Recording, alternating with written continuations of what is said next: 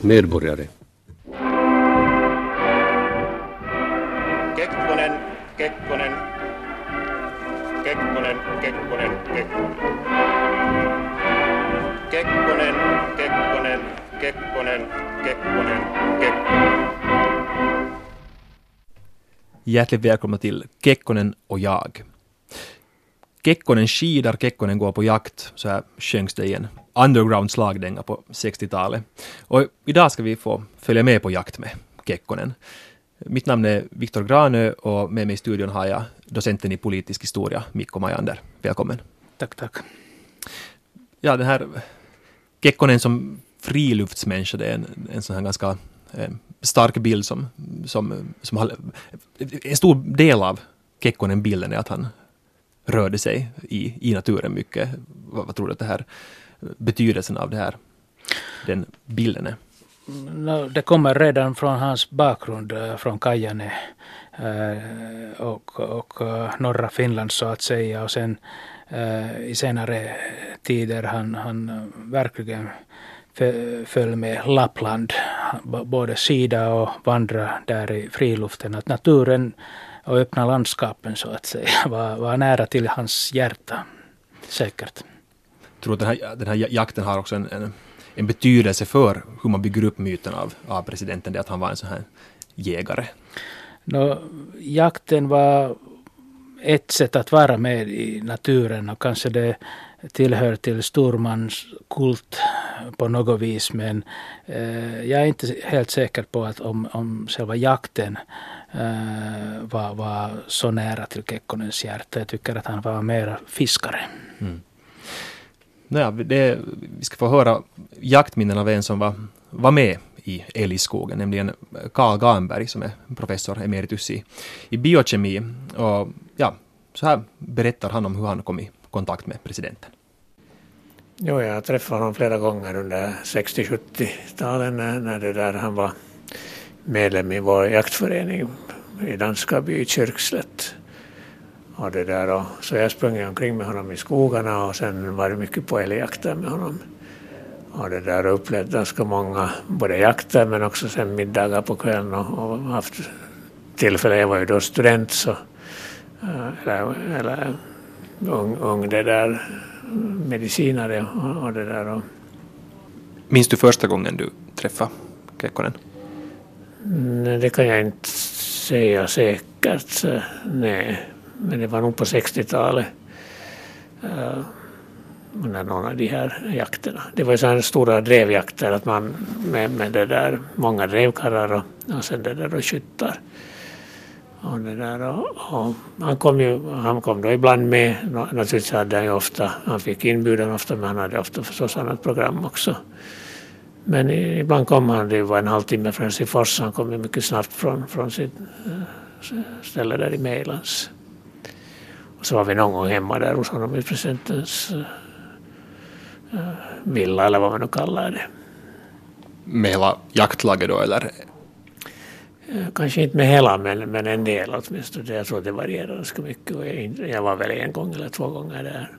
Men jag var hemma hos oss ganska mycket i Kyrkslätt och, och det där. Och, om, i synnerhet om jakten hade lyckats och i synnerhet om man själv hade skjutit någonting. Och det hände då åtminstone ett par gånger säkert. Ja, det var ganska stora jakter och vi var ofta säkert en 10-15 skyttar och, och sen var det åtminstone lika många drevkarlar. Och, där, och det, det, var ju oktober, november som det skedde. Och, och det där det som man nu liksom kommer att tänka på bland annat var det att han var ju hemskt försiktig med det att, att det fick inte bli någon skandal till exempel att han skulle ha eh, skjutit dåligt och såra, i synnerhet såra någon älg. Så han hade ofta med Tauno Vemäki som var jaktinspektör i Finland och han hade ju varit med i olympiska spelen i, i skytte. Så han var otroligt skicklig i skytt. Så att om Kekkonen, som nog var försiktig med att skjuta, så, så, om det skulle ha gått dåligt så tror jag att han skulle ha lappat på alltid. Och jag kommer ihåg när Tauno Mäki sköt en gång en älg på ungefär 150 meters håll som i full fart ingen normal jägare skulle ha skjutit på en sån och det föll i ett skott så han var verkligen skicklig. Och sen var han också en mycket trevlig och underhållande person som Kekkonen tyckte om. Han tyckte överhuvudtaget om människor som kunde berätta historier och liksom var utåtriktade. Ja, så här mindes Karl Gamberg jakten i, i Kyrkslätt på 60-70-talet. Vad, vad väcker det här för, för tankar hos dig, Mikko? No, jag är ingen specialist om jakterna eller äh, inte om Kekkonen och jakten men att äh, jag tror att där är igen kanske två sidor om saken att äh, jakten är mer traditionellt en herrornas grej herrarnas nöje på något sätt man, som man gör i, i ett stort gäng. Och, och, och, det är kanske lite svårare att stå där som en mästare att, eh, eller huvudet högre än, än, de, än de andra. Och kanske Kekkonen var inte riktigt, eh, kände sig inte riktigt fast mark under fötterna med, med gevären och så vidare. Att, att uh, kanske de där stora middagar efter jakten var, var hans äh, hans grej mera i det, i det här socialt äh, sammanhang än att uh, själva skjuta älgar och så vidare. Att det var svårt att vara... Han, han, han vanligen tyckte att tävla i allt. Och det kanske var svårt att tävla just i att skjuta älgarna. Ja, då är det ju lite intressant den här Tauno V. Mäkis roll här, som då var je, je, största jägarmästaren, tycker jag lite, lite intressant att han ville ha, Kekkonen ville ha med honom. Vad, vad tänker du om ja, det? det han var klokt att ha någon specialist på sin sida så att säga och, och, som kan rädda ansikten om någonting händer och, och, och någonting som stör hans bilden av honom som en så att säga mästare i allt. Men mentalt sett jag tycker att uh, fiske passade bättre till Kekkonens uh, uh, karaktär på något, något sätt. Att, där man liksom är ensam med sin, med sin fiskande och det är liksom tyst, tystnaden och kanske, kanske man är lite ensam med naturen i jämförelse med en stor drivjakt till exempel. Mm ja, det här med mästare i allt, var, var, varifrån kom, kom en sån, en sån det här läggning tror du? No. Eller vad, vad, vad, vad, vad var betydelsen av att Kekkonen ville vara mästare i allt? No, kanske det, det, kan vara för hårt sagt att, att uh, visst, visst hade han stor respekt för uh, för äh, mästare i konst till exempel som han inte tävlade på men, men, med. Men att äh, om man tänker på hans bakgrund i idrotten och politiken att om han kände att han är bra i det här och han ville vara bättre än de andra. Det kunde mycket väl passa ihop med till exempel att han måste få den största fiskarna. Och, och, om någon annat som var med fick en större fisk, de var vanligen eh, rädda att nu är det majestätbrott de gör om de får en större fisk än, eh, än presidenten. Okej. Okay. No, men vi, vi återvänder till Eliskogen med Karl Garnberg. Sen sprang jag med honom i skogarna förstås, ibland e- sällan liksom ensam, det var ju mest en drevjakten, men, men jag kommer ihåg att någon gång eh, gick jag tillsammans, vi gick då med, på tu man hand med gevär och, och ganska långt, någon, någon, kilometer där i skogen och så, för att visa var han skulle sitta på pass. Och, och jag satt nu där då en bit ifrån. Och, och det var ju också lite underligt när man vet att, att det är ju ändå en eh, viktig person och det var inga livvakter någonting med, men på något sätt så, så var det möjligt på den tiden. Och det kom ingen älg då heller, eller det var inte eh, desto mera, men, men det man kommer ihåg att man hade liksom ett visst ansvar att visa på rätt plats och sen kommer jag ihåg att han var ju hemskt noga med att som man alltid ska vara med alla de här skjutsektorer och sånt, att det där att, att det inte bara skulle hända någon olycka eller sånt, så, så det var ju hemskt, hemskt viktigt, och det är ju alltid för alla, men, men det var liksom ännu speciellt kanske noga var han med allt sånt här. Ja, det var det där Kennedy sköts ju 1963, 22 november. Och det, där, och det var ju under älgjaktstiden så att säga. Och han kom sen faktiskt veckan efter till eh, Danskaby för att jaga. Och det var den första gången som han hade livvakter med. Det han brukade inte ha förut. Han hade ju någon adjutant men nu var det klassen livvakter. Och det kommer jag ihåg bra för att, för att de här var ju inte vana med jakt alls, de här livvakterna. Så Kekkonen var ju klädd i, i utekläder, varma kläder på hösten. Det var ändå ganska kallt ändå i november. Men de kom nog i vanliga skor och ungefär kostym. Och det där och, men de skulle ju med honom sen till passet. Och det var inte så det var inte så lätt för dem, de blev säkert våta och kallt och, så började de röka, det kommer jag ihåg. Och herregud så Kekkonen skrek till sen plötsligt för det går ju inte för sig älgarna känner ju doften genast av en sån här cigaretter och, och det där så han röt till ett par gånger och de försvann mycket snabbt tillbaka till sina bilar. Så det liksom tog slut med det. Men det var, det, alltså det var just veckan efter Kennedy hade skjutits. Så antagligen var han lite rädd för, eller hade fått råd att uh, ha livvakter med att om någon skulle få samma idé här i Finland. No, det var ju inte, tror jag, någon stor risk på den tiden, men, men man vet ju aldrig. Och nu för tiden skulle det säkert, är det alltid nödvändigt, men då var det ju inte på samma sätt. Ja, så här berättar Karl Garberg om, om jakten en vecka efter mordet på, på Kennedy. Va, vad väcker det här för, för tankar hos dig, Mikko Majander? No, Kekkonen har ju träff, hade ju träffat Kennedy eh, 1961, liksom två år före och det var en, en av, av hans viktigaste ut, utomlandsresor och eh, statsbesök. Och eh, visst eh, hade han följt eh, den mäktigaste man i världen, eh, John F Kennedys presidentperiod och, och Kennedy hade visat mycket respekt åt Kekkonen och fråga om relationen med öst och väst och så vidare. Att naturligtvis det var en stor chock eh, till alla, inte bara Kekkonen, även i Finland. Människorna kommer ännu ihåg att hur hörde de eh, om Kennedys mord. Men eh, det blir ännu mer intressant om man tänker på att eh, Kekkonens Mm, bra, god, fre, god vän Nikita Khrushchev, uh, han liksom hamnade i palatskuppen uh, mot honom i oktober 64. Att inom ett år två Eh, super, eh, supermaktsledare var, eh, var plötsligt borta. Och Kekkonen som, som var liksom suverän ledare av ett, ett litet Finland mellan öst och väst. Han måste känna sig att han måste behandla Finlands situation i vilken situation som helst.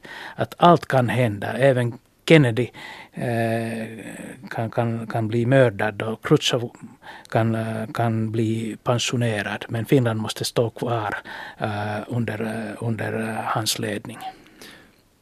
Kunde, kunde man ana någon slags att hans position, Kekkonens position skulle ha på något sätt blivit mindre, mindre stabil just i de här tiderna? Nej, no, det, vi lever nu på sådan tid i Finland där eh, Kekkonen liksom, hans position blev ännu starkare och starkare. Att även hans eh, gamla eh, konkurrenter Socialdemokraterna började förändra kurs och uh, realisera, uh, förstå att de kan inte uh, vinna Kekkonen, de måste leva med Kekkonen så att säga i, i politiken. Att, att det var in, ingen märke på det att Kekkonens position skulle vara sämre i, i framtiden men att Eh, visst, det var liksom...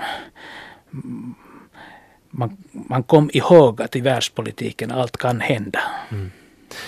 Ja, mordet på Kennedy var ju säkert sitt årtiondes kanske mest största uh, mediehändelse kanske. Jag tänker, jag, jämför med, med det som, den, den stora mediehändelsen som jag själv minns, nämligen, nämligen attacken mot World Trade Center 2001. Så, ja, jag skulle jämföra det här till, till eh, mordet om Palme. Okay. Därför att uh, man talade där om livvakterna, hur det var inte vana i Finland att presidenten skulle ha livvakt med sig. Men att faktiskt detsamma hände efter uh, Palmemordet. Att Koivisto hade liksom, måste ha ett, ett, närmare Eh, eller livvakterna eh, skulle vara närmare till Koivisto och han kände sig mycket obekvämt med det att om han är på landet där i Tähtele att no ja, vad ska de livvakterna göra då och så vidare. Att, att uh, kanske Finland förändrade inte så hemskt mycket från, uh, från början av 60-talet till mitten av 80-talet men, men uh, åtminstone de två stora gamla presidenterna liksom kunde inte så att säga relatera till livvakts och säkerhetsfrågor. Vi sitter alltså här med eh, Mikko Majander och, och talar om, om internationell storpolitik men samtidigt också om, om eh, ja, väldigt lo lokalt umgänge mellan, mellan herrar, kan vi väl säga, nämligen eh, jakt i Dan Danskarby skogar i Kyrkslätt. Och vi går tillbaka till Karl Gambergs berättelse om ja, till Dansk Danskarby. Var det alltså dina föräldrar som var värd, värdfolk här ifall... Jo, det var, vi hade det liksom tur om mellan olika, olika familjer. Eller egentligen var det ganska ofta den här, de här firman, liksom Polar och, och, och Kansallisbanki ibland också. Och någon gång var det då hos oss. Och det där, då. så det, då kommer jag ju allra bäst ihåg. Det, det var ju det att vi, vi var de enda som bodde där, annars var det ju det, den här bastun. Så, som var ganska stor, men, men inte var det, rymdes det mer än, ja, kanske det rymdes 20 personer allt som allt. Sådant. Samma, samma människor nog, men det var lite annorlunda i en bastu än ett hem där det kunde gå lite mer omkring ändå och, och så här. Minns du hur dina föräldrar förhöll sig till Kekkonens närvaro? No, jag tror att de tyckte att det var trevligt och, och på sätt och vis lite spännande. Jag tror att mamma mamma det där spände säkert lite med maten och hur, hur det skulle göras och sånt här. Och, och november var ju inte, oktober, november var ju inte, är ju inte de vackraste, kanske bästa månaden på året heller. Så det där. Men jag tror att det ofta var, var, var någon fisk och så var det väl ganska mycket älgstek faktiskt som man åt från de föregående jakter. Man hade ju då redan på den tiden frysar och, och kunde få, få på det sättet bra bra kött. Men det var ju ganska mycket att ordna privat med för 20 personer, något sånt med, med serviser och sånt, så inte var det eh, alldeles enkelt. Det blev ju samma dag som jakten, att det blev ju sen liksom, de ska, allt skulle vara förberett. Och man visste aldrig riktigt säkert heller om han skulle bli på. Men det hade ändå alltid förberetts någon middag. Men sen när han beslöt bli så ändrade det ju nog lite karaktären på, på på, på kvällen. Det är alldeles klart att det där att alla, alla spände kanske lite mer. Minns du något samtal från de här middagarna? No, det var nog mycket, alltså under själva middagen så tror jag nog att man, man diskuterade inte dagens händelse hemskt mycket. Vem hade sitt älgar och vem hade skjutit och vem valdes till jaktkung och, och sånt här var det mycket. Och det hölls ganska mycket tal och, och, och, och Kekkonen var nog mycket liksom med, han var ju en central person naturligtvis på många sätt. Och, men det märkte man nog också att han höll nog en distans också till, till människor. Att, uh, man blev definitivt inte du med honom. Jag tror att ingen, ingen var du med honom, eller, vad jag nu kommer ihåg av de här. Men, men det där, så han höll en sån här, det var liksom, han hade nog respekt. Han var ju på ett sätt också, han var ju stor och lång och och, hade mycket humor och så det där och, och, kunde själv också diskutera nästan vad som helst. Han talade ganska bra svenska också. Det, mycket gick på finska men inte hade han något problem med svenskan heller. Att, eh, men sen när det, när det festade så där så blev det ju mera liksom fritt umgänge. Och, och, men ändå var det alltid att det var nog en sån där uh, det var nog ett mellanrum mellan, mellan liksom de andra och presidenten. Ja, Karl, Karl Gambergs berättelse har ju på något sätt intryck av, av Kekkonen som en väldigt social person. Eller hur uppfattar du det, Mikko? han var social person men också sökte ensamhet i andra ärenden. Ehm, det intressant här är att, jag sa det tidigare, att jakten är en mera herrarnas eh, eller affärsmännens eh, männen, äh, grej. Äh, om, om man jämför till hur Kekkonen äh, mötte liksom vanliga människorna så att säga, enkla bonder och så vidare. Och då han kunde nå liksom ett mycket ärligt sätt att visa respekt åt dem. Men här vi just hörde att, att äh, även i social sammanhang under middagen det var någon slags hierarki ännu, att vem är vem? Och man, det var, Kekkonen liksom höll noggrant att han var den sista auktoriteten och han var inte en av de gossarna så att säga på middagen. Att, att uh, det var bäst, säkert säkrast att inte utmana på något sätt Kekkonens prestige, även om det var ett socialt gäng efter, efter jakten på middag. Kan man tänka då att hans, eh, om han var så här mån om att upprätthålla den här hierarkin, var den, var den så att säga inte då en självklarhet i ett sånt här eh, sammanhang med, med de här herrarna? Eller varför tror du att det var viktigt för honom att, att inte bli du med någon? Nåja, Kekkonen visst var du med sina inre krets, så att säga, eh, gamla goda vänner.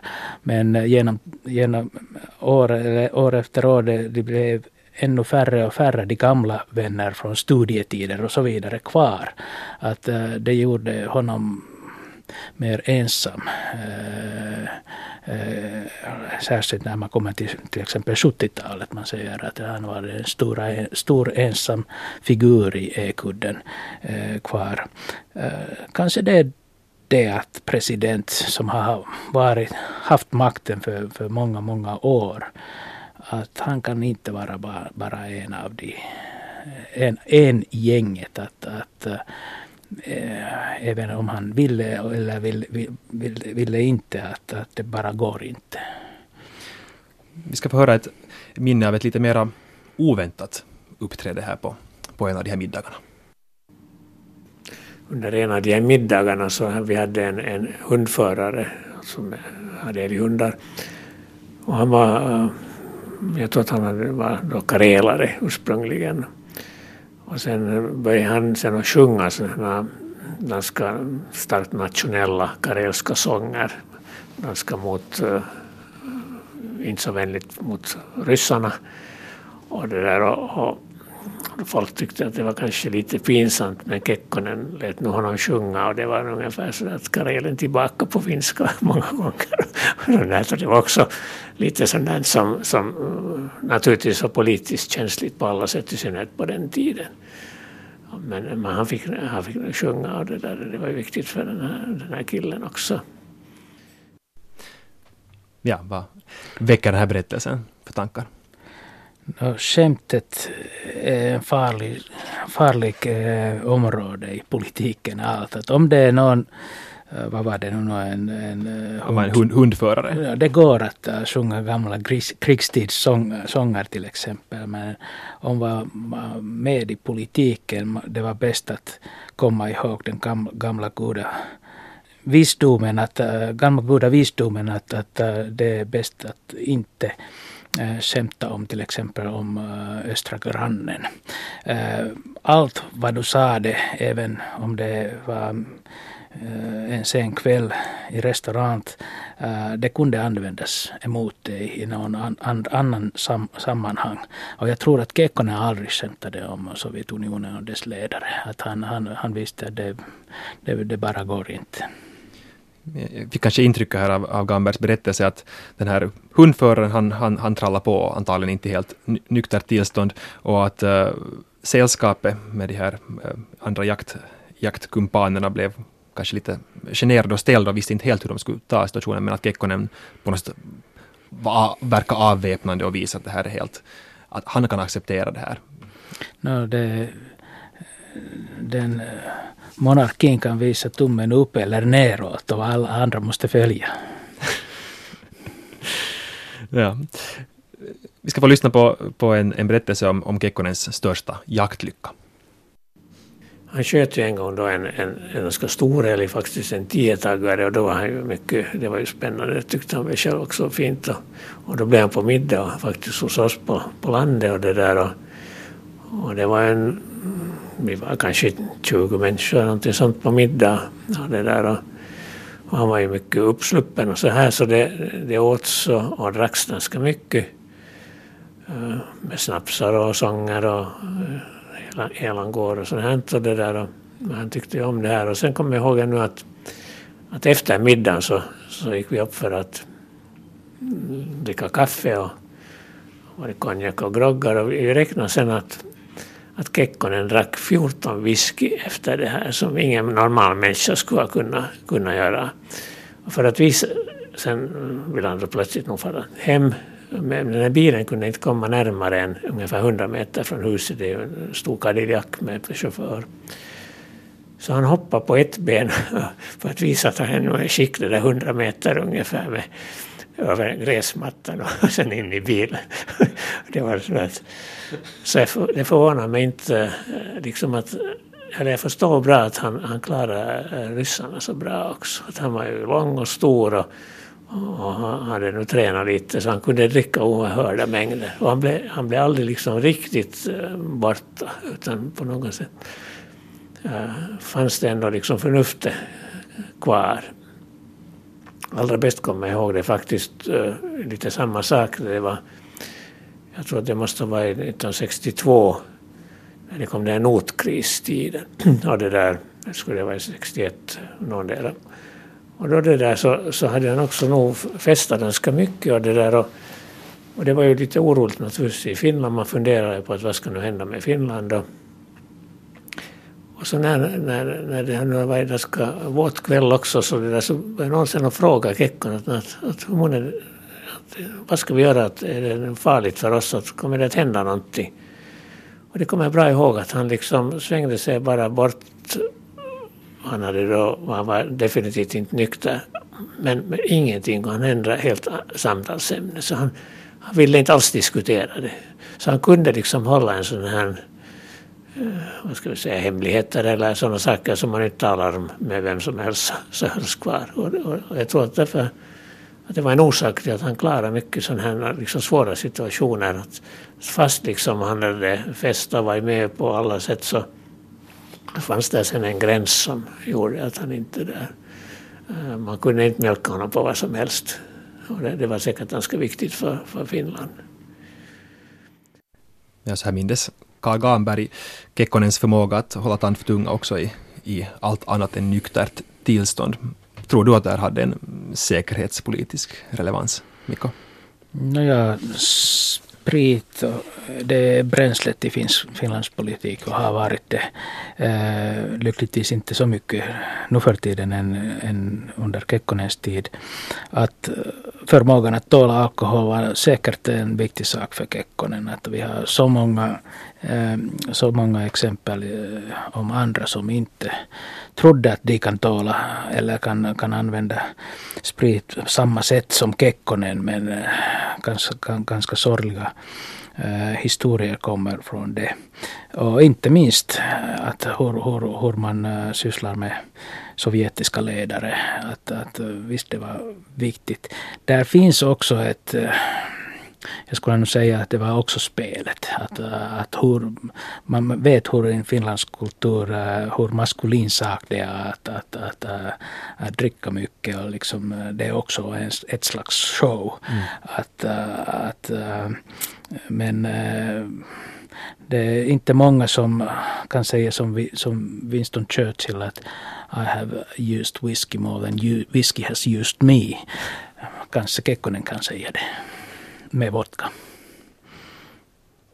Att Kekkonen tål sprit är en sak, men att, att han brukade sprit, att han, att, att han drack det var en, en, en det här, vad jag förstått, en, någonting som hans kritiker lyfte fram och kallade honom för en, en, en suput. Ja, men det tillhör kanske mera till 50-talets äh, eh, stora äh, tvistefrågor. Jag tror att äh, i vardagslivet med senare, äh, senare åren äh, faktiskt Kekkonen i privat använde inte så mycket sprit som, som man äh, har i legenden. Här nå, har vi nått slutet på, på vårt avsnitt om Kekkonen ute i älgskogen. Vi har fått höra Karl Gamberg berätta om sina minnen från, från Danskaby på 60 och 70-talet. Stort tack till eh, docenten i politisk historia, Mikko Majander. Själv heter jag Viktor Granö och Kekkonen och jag är tillbaka nästa vecka.